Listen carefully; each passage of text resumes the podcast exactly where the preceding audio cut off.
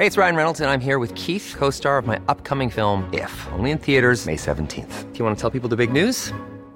All right, I'll do it. Sign up now and you'll get unlimited for $15 a month in six months of Paramount Plus Essential Plan on us. Mintmobile.com slash switch. Upfront payment of $45 equivalent to $15 per month. Unlimited over 40 gigabytes per month. Face lower speeds. Videos at 480p. Active Mint customers by 531.24 get six months of Paramount Plus Essential Plan. Auto renews after six months. Offer ends May 31st, 2024. Separate Paramount Plus registration required. Terms and conditions apply if rated PG. Hiring for your small business? If you're not looking for professionals on LinkedIn, you're looking in the wrong place. That's like looking for your car keys in a fish tank. LinkedIn helps you hire professionals you can't find anywhere else, even those who aren't actively searching for a new job but might be open to the perfect role. In a given month, over 70% of LinkedIn users don't even visit other leading job sites. So start looking in the right place. With LinkedIn, you can hire professionals like a professional. Post your free job on linkedin.com slash people today.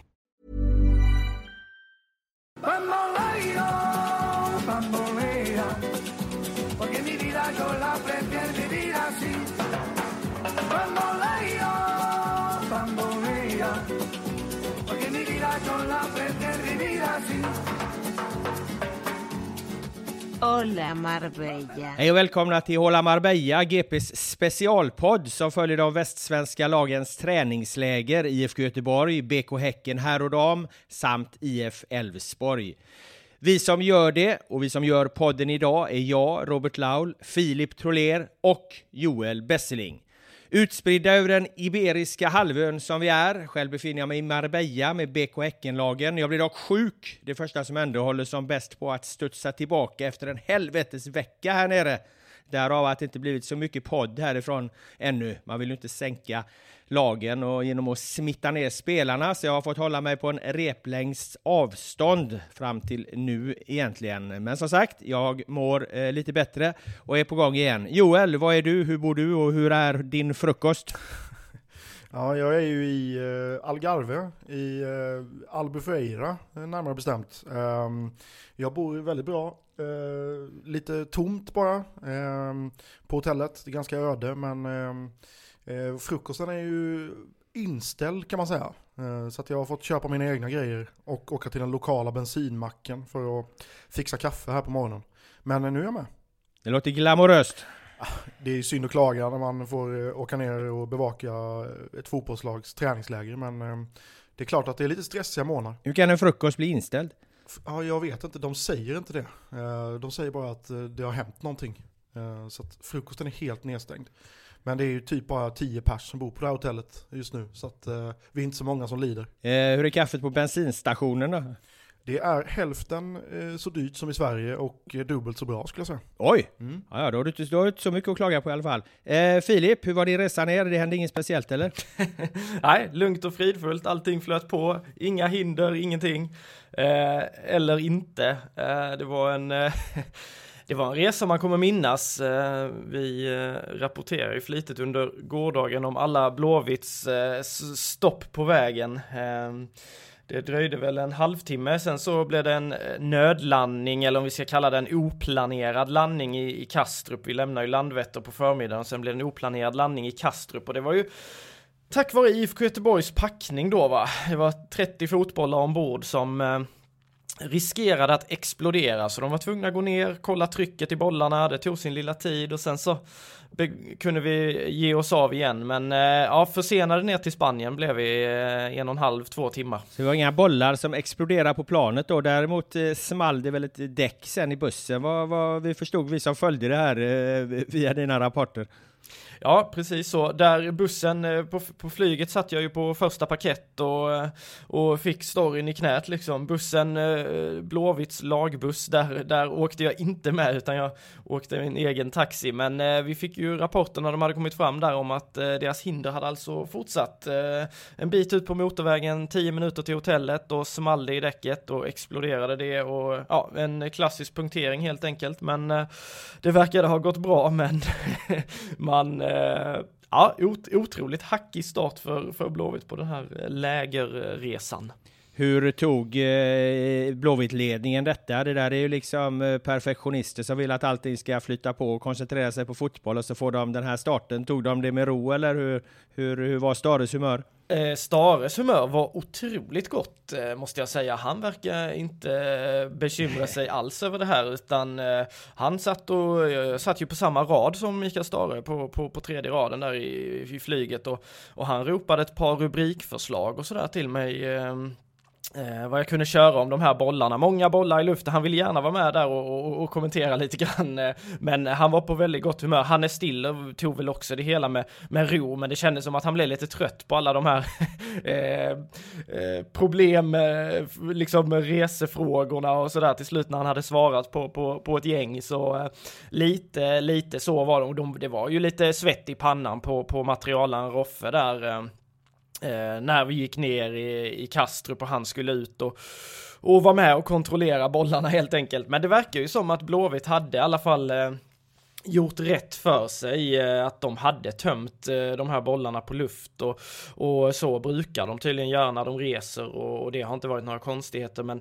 sen såg man ju någon bild på, på bollarna och det är någon ny variant sa Hannes Stille och, och, och de är tydligen att de ser uppumpade ut trots att de inte är uppumpade. Men när man såg bilden på, på bollarna som åkte ut från, från planet så såg de jävligt uppumpade ut. Men eh, det, så verkar det alltså inte vara utan de, de ska ha varit tömda på luft och Hela anledningen till det här är väl att markpersonalen på, på Landvetter på något sätt missade att informera eh, personalen i flyget, eh, liksom eh, om att det var bollar överhuvudtaget och, och då blev de väl lite så här stressade eller någonting och, och, och ville ju ta det säkra för det osäkra så eh, det var inget annat än att, att landa på Kastrup då. Ja, en fråga om det här. Jag förväntar mig inte att någon av er kan svaret på den. Eh, jag kan inte själv heller, men kan slänga ut den i alla fall. Alltså kan en fotboll explodera? Även en uppumpad boll, kan den explodera i luften? Är det, det, det är liksom en rimlig, är det en rimlig risk?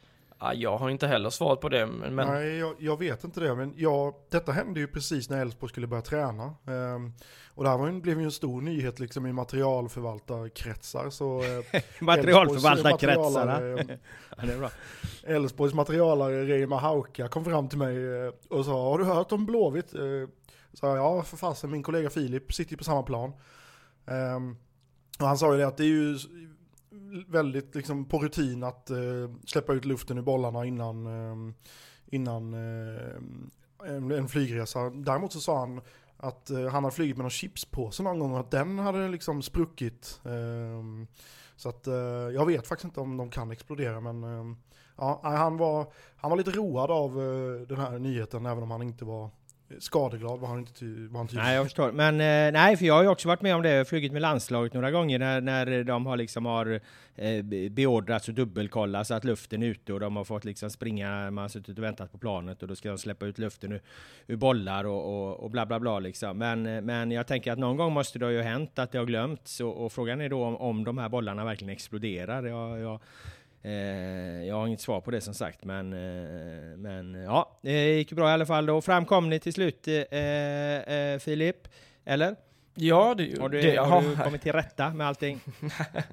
ja då, jo då, jag är, jag är stationerad här nu i, i Torrevieja på hotellet och Blåvitt körde ju faktiskt en träning, men det blev väldigt försenat igår. Och som jag förstod det så skulle det bara vara ett lättare joggingpass. Så eh, efter en dag utan mat där på resande fot så där så stekte jag faktiskt den och det, det förstod jag på mina kollegor här nere också. Eh, att eh, övrig media också skippade den. Vi hade, vi hade haft nog att skriva om eh, under, under dagen där så. Eh, men eh, nej, jag är på plats och ska ut här alldeles strax på, på Blåvitts första riktiga träning om man kan säga så. Ja, jag är ju den då som hittills har varit på plats eh, längst. Jag som befinner mig i Marbella med eh, Häckenlagen. Och här har det ju redan hunnit hända en hel del. Inte minst då kring eh, Häcken. Häckenherrarnas anfallare Ibrahim Sadik som ju lämnade eh, Marbella här och lämnade Häcken trodde ju alla för eh, eh, saint Etienne eh, franskt andra division eh, ligalag, eh, bottenlag i franska andra divisionen till och med. Men eh, Sadik, eh, kvick anfallaren, han var tillbaka här ett eh, drygt dygn senare utan något kontrakt och enligt franska uppgifterna då som, som vi fick så var det för att hans agenter eh, plötsligt mot slutet av förhandlingen krävde dubbelt betalt och då drog sig Sant Etienne ur affären. Eh, vilket Häcken då var väldigt förvånad över. Jag pratade med sportchefen Martin Eriksson som beskrev att han var lika överraskad som alla andra att det inte blev någon affär. När de släpper iväg en spelare så förväntade de sig att det skulle bli en affär. Eh, men sen när Sadik då dök upp, eh, jag gjorde en intervju med honom, så hävdade han att det var han själv som drog sig ur i, i sista stund eftersom hans hjärta hade sagt åt honom att detta var inte rätt tidpunkt att eh, lämna Häcken. Eh, jag vet inte hur noga ni har följt rapporteringen, men nu fick ni den lite beskriven för er. Vem tror ni på? Tror ni på franska medierna eller på Sadiks hjärta? Ja, jag är ledsen Sadik, men jag tror kanske lite mer på de franska medierna faktiskt. Eh, det hör väl inte till ovanligheterna att eh, det dyker upp sådana där eh, krav från eh, agenthåll och medhjälpare, rådgivare sådär i slutet av förhandlingar. Det har man ju hört om tidigare affärer som har kraschat just på grund av, av det där. Det var väl var det inte typ Alexander Jallow, det var något sånt där med också när han skulle till Blåvitt eller ja, jag är inte säker på om jag minns, minns rätt här men ja. Ja, nej, så jag är ledsen Sadik, men jag tror nog lite, lite, lite mer på, på franska medier. Det känns tveksamt att Sadik hade liksom åkt dit och var redo, eh, alltså om han inte verkligen ville. Ja.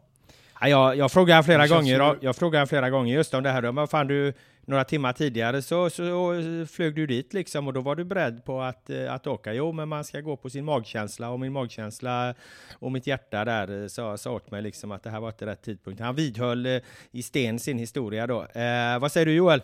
Nej, men jag är, mest nyfiken, jag är mest nyfiken på, för du, du hade ju några rimliga frågeställningar både till honom och eh, till, eh, Eh, jag vet inte om det var Högmo eller Martin Eriksson, men just det här med vad har han liksom, eh, var, var befinner han sig någonstans i, i skallen här nu när han går in i säsongen, när han är beredd att och dra, skeppa iväg från ett läger liksom, eh, för ett utlandsäventyr. Eh, han säger ju att han är motiverad till att spela i Häcken fram till sommaren nu liksom, men eh, ja, det där är väl någonting att, att hålla utkik efter, men ja, jag tänker att han är så pass professionell och vill ju få till en affär någon gång i framtiden så att han kommer väl vara alldeles lysande den här våren också säkert. Ja, eh, så är det ju och jag menar det, det, det, det är ju märkligt. Någonstans så liksom, någonstans var det väl eh, om man ska sammanfatta var det här då till slut landade så, så, så är det väl är det väl rimligt egentligen att det faktiskt inte blev någon affär. Man kan ju fråga sig vad han ska till ett franskt andra divisionlag och göra eh, som dessutom slåss, slåss för sitt kontrakt. Eh, de kan ju åka ur liksom. Ska de vara nere i, i, tredje divisionen där och så har han skrivit då ett långt kontrakt med dem. Så att eh, det var oavsett, oavsett vem som nu drog i handbromsen eller vad det egentligen var att, eh, att det inte blev någon affär så, så känns det som en ganska rimlig, rimlig utgång och att, att Sadik borde kunna få något bättre. Han antyder väl lite mellan raderna att, att att beslutet inte helt hade varit hans. Så att det, det, det, det agenterna då som mm, eventuellt ska ha krävt mycket pengar, de kanske också har, har tryckt på att han ska göra den här och så har han gått med på att åka dit men sen så har han verkligen inte känt för det i slutändan och, och då, då ångrat sig. Och det, det, det, det är väl bra. Jag tror faktiskt att han kan, han kan faktiskt få något bättre än, än än den klubben. Sett till kvalitet så kan han ju definitivt, det, det som talar emot honom är väl hans liksom skadehistorik då, att han har haft rätt mycket skadeproblem genom sin karriär.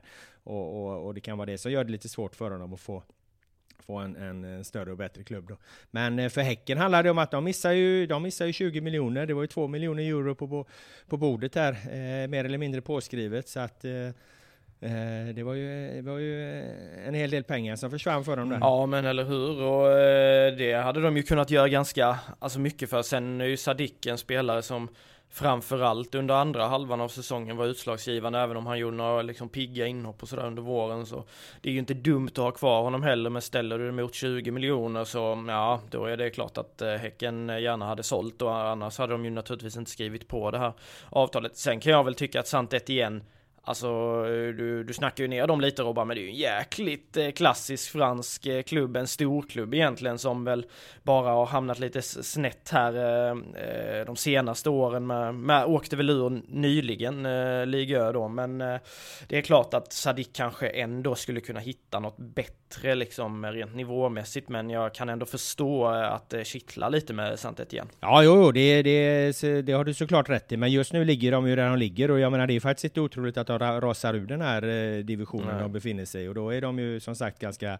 ganska långt ner i vegetationen, även om det är en gammal Eh, eh, storklubb. Eh, eh, sen det här med, med pengarna där, det får man också ställa mot att han själv verkar ju inte ha siktet inställt längre i Häcken än till sommaren. Så att man får ju ställa att de förlorade 20 miljoner här mot, mot att de får ju faktiskt bara behålla honom en vårsäsong. Om det nu blir som han själv har tänkt sig då. Att han verkar ju vara, vara, vara, vara på väg att vilja lämna redan i, i sommar igen. Så, så det är inte så att de får behålla honom över något eh, Champions League-kval eller så. Om det nu är han själv som, eh, om han nu får som han själv vill då alltså. Och då handlar det om att de ska hitta en ny klubb som är beredd att betala då eh, 20 miljoner eh, euro. Jag menar, det kan ju vara lätt utifrån att tycka att det sker sådana här typer av affärer hela tiden och, och svenska klubbar säljer spelare till höger och vänster för, för, för stora summor. Så, men det, det, är, det är ju faktiskt en rätt stor sak att sälja en fotbollsspelare för 20 miljoner kronor. Man ska inte glömma det liksom. I, eh, man, man, ska inte tappa bort det perspektivet att det, det det, det, det, kräver en hel del att få till en affär, en affär även i 20 miljoners klassen. Mm. Ja, ja absolut. Det, nej, det, med det du säger att eh, sommaren, om han har tänkt lämna till sommaren, då borde Häcken vara ännu mer besvikna naturligtvis. Eh, så. Men det ska bli intressant att se vad, hur, hur han tar sig här. Det slår mig när ni pratar om de här grejerna att eh, ni har haft så mycket drama på era på det ni bevakar. Laul har blivit sjuk och Sadik drar till Frankrike och däck exploderar och flygresor, nödlandningar. Jag har liksom, eh, största som har hänt är typ att de spelarna fick solen i ögonen igår på träningen och missade några jag skulle säga att det, det mest dramatiska som verkar ha hänt hos dig där Joel, det är att du, att du själv har bränt dig i solen och fått ta på dig en keps. ja, ja, det var de inte sena med att kommentera i Elfsborg. Ja, det förstår jag. Nej, men vi väntar med glädje på att det brakar åt helvete för dig också, så du får sköta rapporteringen lite och kan jag och Filip gå och lägga oss i, i solstolen ett tag. Det kan vi, kan vi förtjäna efter den här starten på resan. Hola, eh, Filip, ja. eh, det är inte bara Häcken, det har varit eh, Deadline Day-rörelse. Eh, IFK Göteborg också, där har det egentligen varit ännu mer grejer som har hänt. Eh, mm. Du talade lite om innan lägret där, men det kan vara intressant att få din, dina, dina inspel och synpunkter kring det. Eh, Blåvitt har ju värvat, eh, ja det är väl två mm, eh, mittbackar då, slash eh, mittfältare. Först och främst då Sebastian Hausner, 22-årig dansk mittback in. Sen Adam Kalén, 22-årig mittfältare från Degerfors, men som ska skolas om till mittback. Och sen mm. då Kalle Johansson, mittback, ut, som ju går till Randers på lån då. Vad, vad, vad är hela den här liksom eh, mittbackskarusellen eh, sticker ut mest? Ja, först måste man väl ändå konstatera att man, man blir, jag tycker alltid att man blir lite deppig när man hör liksom att ah, Kalle Johansson, han, det är han liksom suktar efter en utlandsflytt och så kommer han till Randers i Danmark. Det är liksom inte någon tung aktör i dansk fotboll heller, utan det är Randers, och det är lån och det är i och för sig en köpoption och sådär, men ja, jag, jag tycker eh, ambitionen, eh, det känns lite ambitionslöst så, man får vara, vara lite hård så. Men han kanske var sugen på, på eh, flytt eh, över, över bara till, till grannen liksom, men för Blåvitts del Filip. Sä, ja. säger, det, jag tycker det är intressant det du tar mm. upp där. Säger inte det liksom någonting om vad det är som håller på att hända här? Att, att eh, Danmark eh, rör sig i en riktning eh, vad, vad gäller liksom ekonomi på klubbar och så. Och, och och eh, eh, Sverige rör sig i en annan eh, riktning, att pengarna bara blir stora där liksom och då, då, då kan det vara värt att, att gå, på, eh, gå på lån till en eh, dansk klubb. Jo, det kan det absolut vara och vi har ju haft de här perioderna tidigare, liksom där Danmark har varit, varit starkare ekonomiskt. Sen har väl Sverige i vissa perioder här kommit tillbaka ganska, liksom kunnat konkurrera lite bättre. Men nu känns det som att Danmark är på väg att springa lite igen och man ser ju Mittjylland och, och FC Köpenhamn och Brönnby, de säljer och köper för stora summor och vi ser ju det i, i Norge också. Eh, att det är liksom en helt annan typ av, av summor och även om vi säljer för mycket i svensk fotboll och sådär också så känns det som att det är Eh, många av eh, våra grannländers klubbar som blir starkare och ja, som du säger då kanske det är, det är ju absolut en del i att, att en spelare då kan välja att gå från Blåvitt som ändå är en jättestor klubb i Sverige med massa supportrar och, och anrik, anrik förening till då Randers. Eh, men sen kontentan rent sportsligt av det så tror jag väl att vad man har hört om han Sebastian Hausner, jag har inte sett honom eh, i träning eller match, så han är ju ganska liksom ett oskrivet blad för mig så, men eh, eh, vad man hör så är det ju en eh, kille som är jäkligt eh, hårdför, kompromisslös, styr. Jag läste kollega Adam Fröbergs första intervju där med honom eh, att, eh, att eh, sen han kom till Blåvitt att han, han hatar verkligen så förlora, tryckte på det.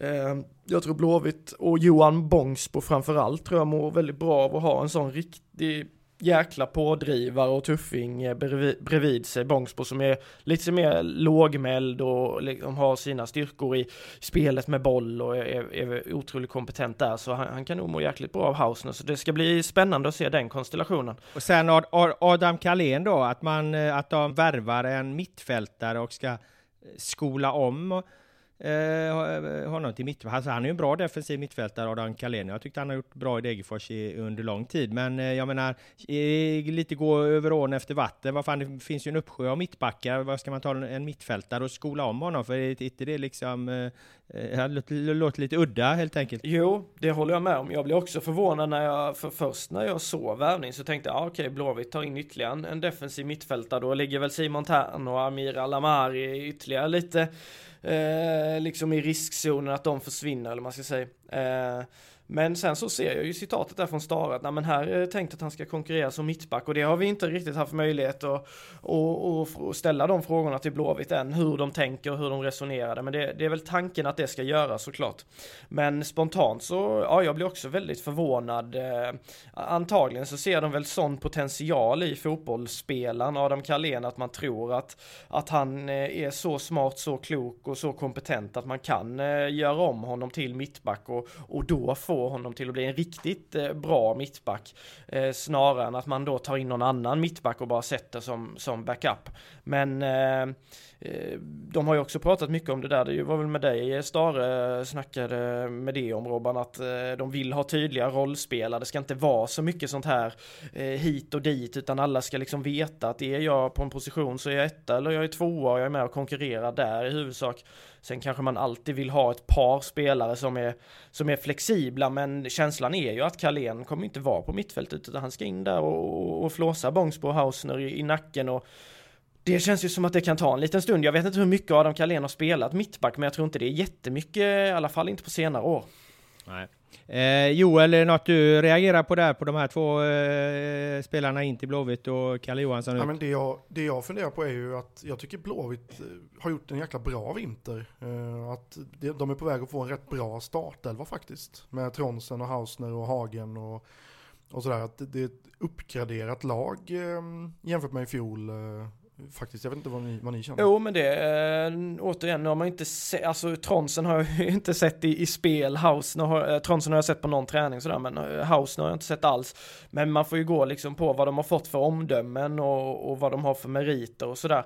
Och äh, jag håller med, det känns lite mer gediget och det känns mm. som att Hagen där på mittfältet, det kommer liksom, även om Alamari finns i truppen sedan tidigare och när man ser på så här stats och spindlar och sådär så är Alamari ganska lik Elias Hagen i, i eh, i spelstil, men Hagen känns ju absolut som en uppgradering där och, och det kommer ju vara jätteviktigt och Hausner känns väl också som att han kan nå en högre höjd än vad Kalle Johansson gör. Tronsen kommer vara bättre än en Oskar Wendt på ned, nedåtgående. Sebastian Olsson har sett jättefin ut under försäsongen hittills. Eh, så jag håller med dig eh, till 100% eh, Joel och det känns ju som att det är Blåvitt 2015 all over again här. Det var ju Jakob Ankersen, Sören Rex, Haitam Alesami, Thomas Rogne, det var väl Mads Albeck också där har jag för mig. Det var ju senast de gjorde riktigt bra resultat, de kom tvåa och hade hugg på guldet in i omgång 30, så det kanske är ett tecken. Mm. Jag tänker lite, jag, jag håller med om den spaningen att Blåvitt 2023 har nog, har nog både en bättre startelva och framförallt framförallt en bredare trupp skulle jag säga än, än eh, Blåvitt eh, eh 2022. Då tycker jag de led mycket av att de inte hade någon bänk. Man behöver ju en bänk under en lång säsong och det är det som liksom de, de, de föll på. De hade ju ändå då en del topprestationer liksom i fjol som där de närmade sig de eh, bättre lagen men, men föll ju mycket på att de inte hade, hade liksom någon, någon, samma bredd eh, som många andra. Eh, men däremot så det ska ju också ställas då till hur alla andra lagen, eh, eh topp 8-lagen, hur de samtidigt rustar, hur de samtidigt ser ut och det är väl när man för in det perspektivet i, eh, som, som IFK Göteborg 2023 kanske ändå inte ser riktigt så eh, väldigt eh, jätteimponerande. Jag menar, titta, det räcker man att titta på, på ditt gäng där Joel, eh, Elfsborg, så, så, så har de väl ändå en ännu bredare trupp än vad IFK Göteborg har till exempel. Ja, de har ju en, en bredare trupp. Och nu när de har fått in, alltså framförallt det som hände i somras när de fick in Hult och Holmén också, gör ju att de har, jag tyckte att i fjol, framförallt under våren i fjol, hade de lite för orutinerad trupp.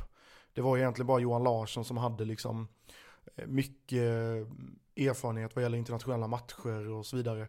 Nu har det kommit in andra lite äldre, tyngre pjäser som gör att de eh, har en väldigt bra mix mellan eh, rutinerat och eh, ungdomlig entusiasm så att säga. Så att, eh, ehm, ja, de har en bredare trupp skulle jag säga än Blåvitt. Hola Marbella. Uh, och när vi är inne på Elfsborg då, där har det också varit, uh, hänt grejer på deadline day. Uh, jag inte ser mycket kanske i jämförelse med varken varken Häcken och framförallt inte IFK Göteborg då. Men hur påverkas de av att låna ut eh, Mauro Jarouye som ju går till Slovan Bratislava? Ja, alltså det gör väl egentligen att detta fönstret handlar ju om att de ska bli av med spelare och eh, Eh, Eh, när vi pratade för några veckor sedan här så konstaterade vi att eh, de behöver bli av med en mittback och en, en forward. Och nu har de blivit av med en mittback.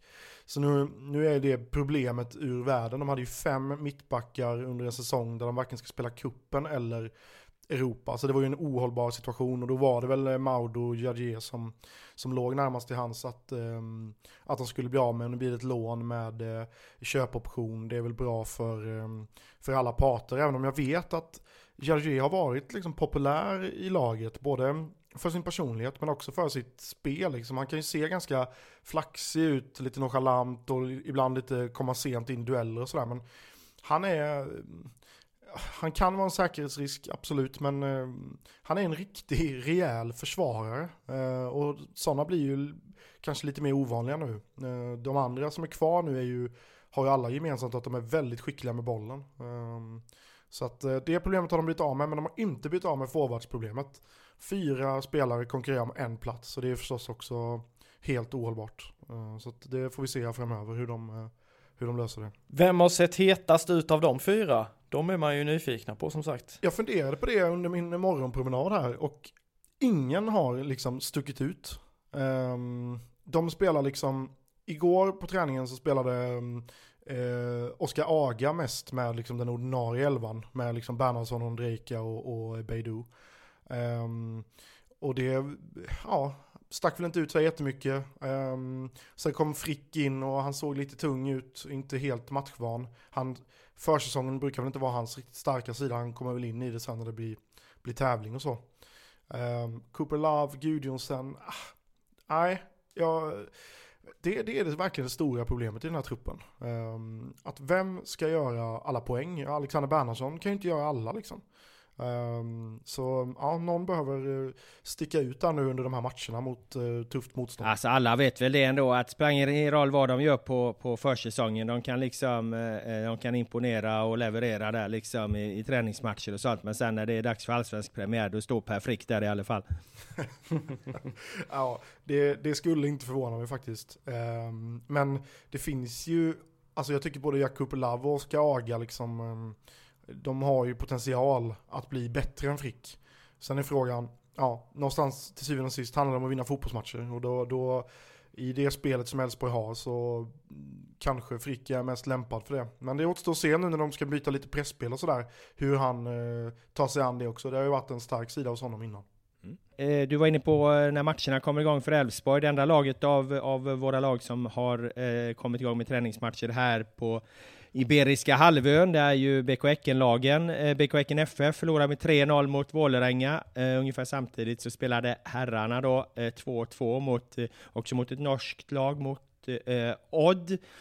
Och även BK Häcken här då, som var den matchen jag såg, jobbar ju med att sätta ett nytt eh, pressspel det fungerar väl egentligen inte alls särskilt bra mot Odd, det här nya eh, pressspelet som ju mest handlar om att man får in andra spelartyper. När du inte har Alexander Jeremejeff längre utan du har Benny Traoré, då kan du pressa på ett helt annat sätt eftersom Traoré är ju mycket mer, mycket mer, mycket snabbare, mycket mer tryck i steget. Eh, men det funkar inte riktigt. Tränare Per-Mattias Högmo pratade efteråt om att de har tränat väldigt hårt så att eh, det var tufft för dem att få till ett fungerande pressspel över hela matchen när man är ganska nertränad och det finns väl en eh, logik i det. De mötte också ett, ett riktigt bra Odd. Eh, Eh, norska laget då, apropå det du var inne på lite tidigare eh, Filip, med att våra grannländer börjar sälja spelare för höga summor, så har ju den här vintern, vad jag förstår, varit helt extrem i norsk fotboll. Det har sålt spelare för, för, på, på penganivåer som aldrig tidigare förr. Jag talade med en norsk krönikör, eh,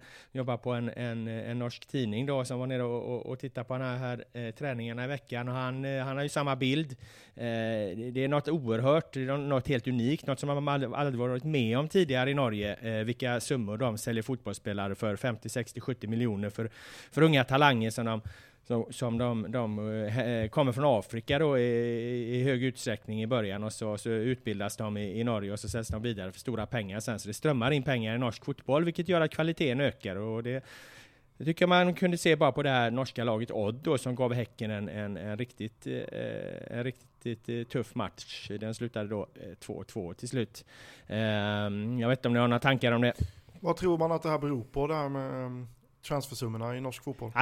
generellt är ju transfersummorna eh, höga höga. Det spenderas ju väldigt eh, mycket pengar. Jag vet inte om det är någon liksom eh, efter, efter covid-effekt eller någonting att, att liksom nu, nu studsar ekonomin tillbaka inom fotbollen på allvar igen eller, eller vad, vad det beror på exakt. men, men summorna är höga överlag liksom och, och, och framförallt är summorna höga för unga. Det, det, det, alltså det är de unga talangerna som går för mycket pengar och då talar vi liksom inte om Eh, 22-23-åringar eller 20-21-åringar utan det är, det, liksom, det är 17, 18, 19-åringar kanske. Det är den typen av, av åldrar som jag förstår som eh, att man köper alltså på, eh, betalar väldigt, väldigt mycket för potential.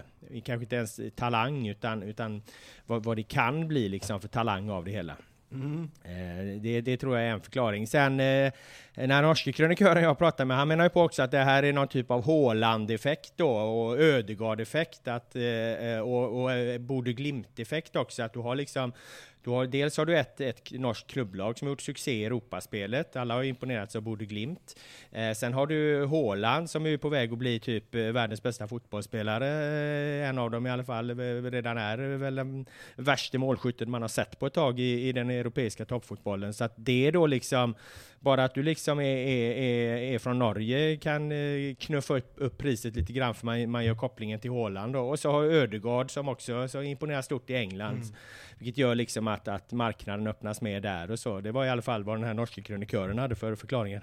Jag tycker det känns som att han är rätt så rätt på det faktiskt. För eh, England är också mycket det som driver loket och, och, och, och norsk. Eh, I Norge är ju engelsk fotboll väldigt stort och, och, och Norge eh, känns som ett land som engelsk fotboll har ganska bra koll på och då har fått ännu bättre koll på nu när när Haaland och Ödegaard eh, är på gång. Men det är ju bara att titta, liksom fan Chelsea här när de köper sina spelare, spelare som tidigare gick för kanske 300-400 miljoner, det är en miljard för nu Mydruk från, från eh, Shakhtar liksom och så här. Och det är ju unga, unga spelare återigen så eh, känns som att den hetsen på talanger, det kommer bara, det kommer bara fortsätta liksom. För att det är så, kan man göra de här klippen på, på unga spelare så vet man om att det är, det är en guldgruva. Mm. Och så jobbar väl även lagen vi följer där. Du, du, du hade väl någon grej där, eller vi hade någon grej om den här eh, eh, Asek Mimosa-talangen där eh, som, som följer med på IFK Göteborgs läger. Nu tappar jag bort namnet där eh, Filip, men, men ja. det, det, är väl klart Malik. att där finns det en tanke. Ja, Malik, ja just det, där finns väl en, en tanke där. Ja, precis. Malik ja. Junior eh, Jalkuye,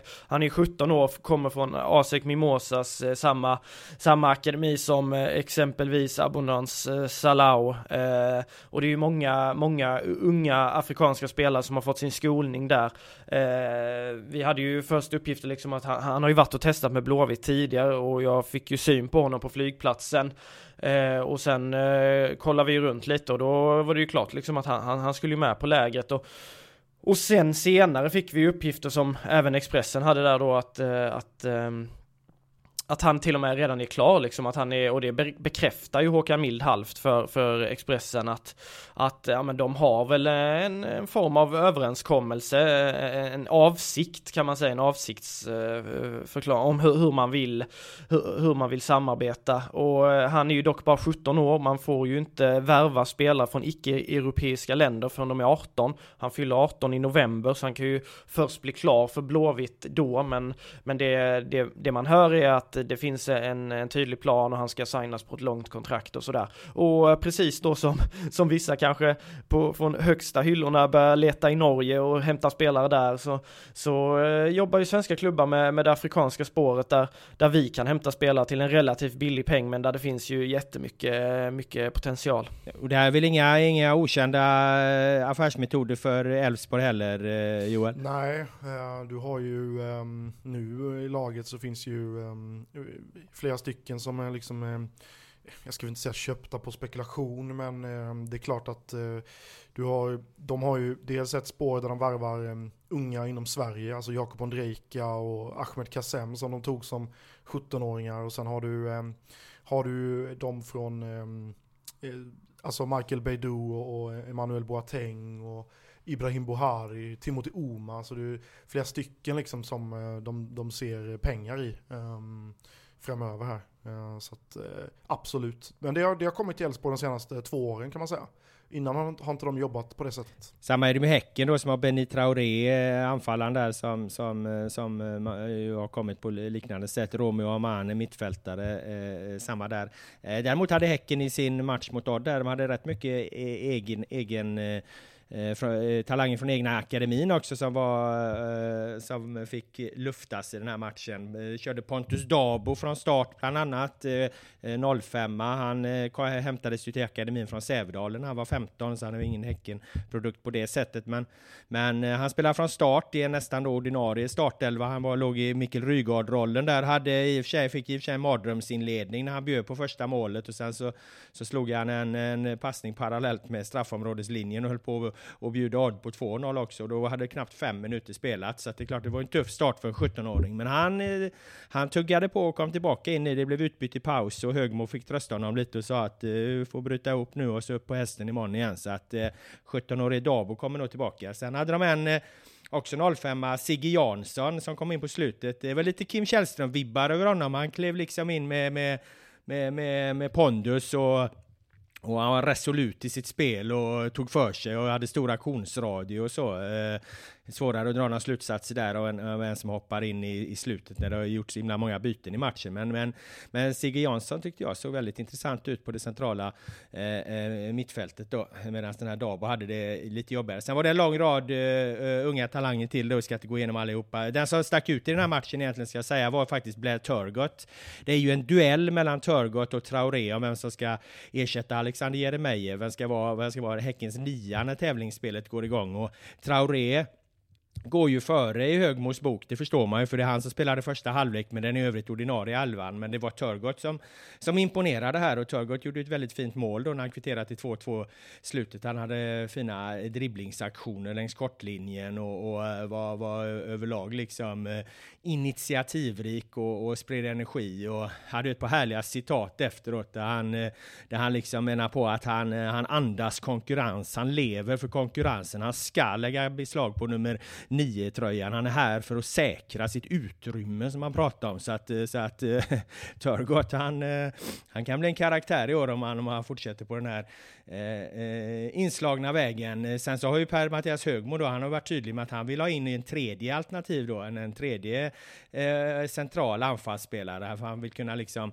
eh, ha ett, eh, en större spelare också, alltså en, eh, kunna använda som target i vissa matcher och så. Så att eh, Häcken har ju inte värvat klart, utan de tittar ju även på, en, på, en, på ett tredje alternativ på nummer nio. Eh, positionen då. Hittar de inte det får de skicka upp Johan Hammar. Det brukar ju Andreas Alm göra eh, ibland. Slängde upp Hammar när det behövs något stort på topp. Eh, var framgångsrik då. Funkar säkert nu, även om Hammar spelat till sin ordinarie mittbacksplats under åren som har gått där sen Alm lämnade. Men nej, men i alla fall, det ska in en, en, en tredje spelare där. Eh, något annat ni är nyfikna på kring Häckens match? Det är det enda laget som har spelat där. Såg eh, Simon Gustafsson eh, Ja. bra ut? Han såg ju väldigt fin ut mot Norrby som jag var Ja, på. nej men jag tycker både han och Samuel ligger väldigt långt fram. De, de, de har väldigt hög kvalitet i allt det de gör. De liksom, alltså en sån där sak som att, att jag menar touchen, man brukar säga du vet försäsongen, touchen är lite si och så. Alltså Samuel Gustafsson och även Simon, alltså de kommer alltså rätt i princip varenda passning. Det är rena tillslag, det är rätt beslut. Alltså det är sån det är en oerhört hög nivå redan tidigt på säsongen. Jag skrev det i mina såna här betyg som vi gjorde efteråt, att, att det, det, det, det är nästan provocerande vilket är ren bredsida Samuel Gustafsson har så här tidigt på, på året. Det ska vara lite kantigt, det ska studsa lite snett och så kliver han in liksom ett perfekta tillslag varenda jävla gång liksom. Eh, det, det är kusligt hög nivå på de två. Simon Gustafsson eh, tog ju straffen. Och jag tror faktiskt det var hans första mål han gjorde för Häcken sen han, han eh, kom hem igen. Eh, och, och han såg hur säker ut som helst vid straffpunkten så att det kanske var så att där såg vi Häckens eh, straffskytt eh, 2023. Eh, han hade också ett par väldigt fina då, djupledspassningar eh, framåt i banan, eh, Simon. Så att där finns ingen anledning till oro för Häcken. Däremot är väl det här med pressspelet då som de ska få till, för det, det fungerar inte alls. Något du är nyfiken på Filip? Eh, massa grejer är jag nyfiken på, men eh, just nu så måste jag faktiskt runda av här för jag ska vara vara på Blåvitts träning om sju minuter. Ja, jag tycker att det låter bra. Vi skulle hålla på i 45 minuter. Vi har väl eh, inte hållit på i riktigt 45, men vi har en, hållit på i nästan en halvlek eh, minus eh, tilläggstid, höll jag på att säga. Eh, du, jag ska släppa iväg dig. Jag ska släppa iväg dig Joel. Du har också en träning att, att ta. Eh, det kommer fler poddar eh, härifrån, fler Håla Marbella avsnitt eh, eh, vad det lider. Särskilt nu när jag är frisk. Jag tackar er för att ni var med med era som vanligt eh, kloka eh, synpunkter och åsikter. Och jag tackar alla, som, alla er som har lyssnat. Eh, ha det bra så hörs vi framöver här. Hej då!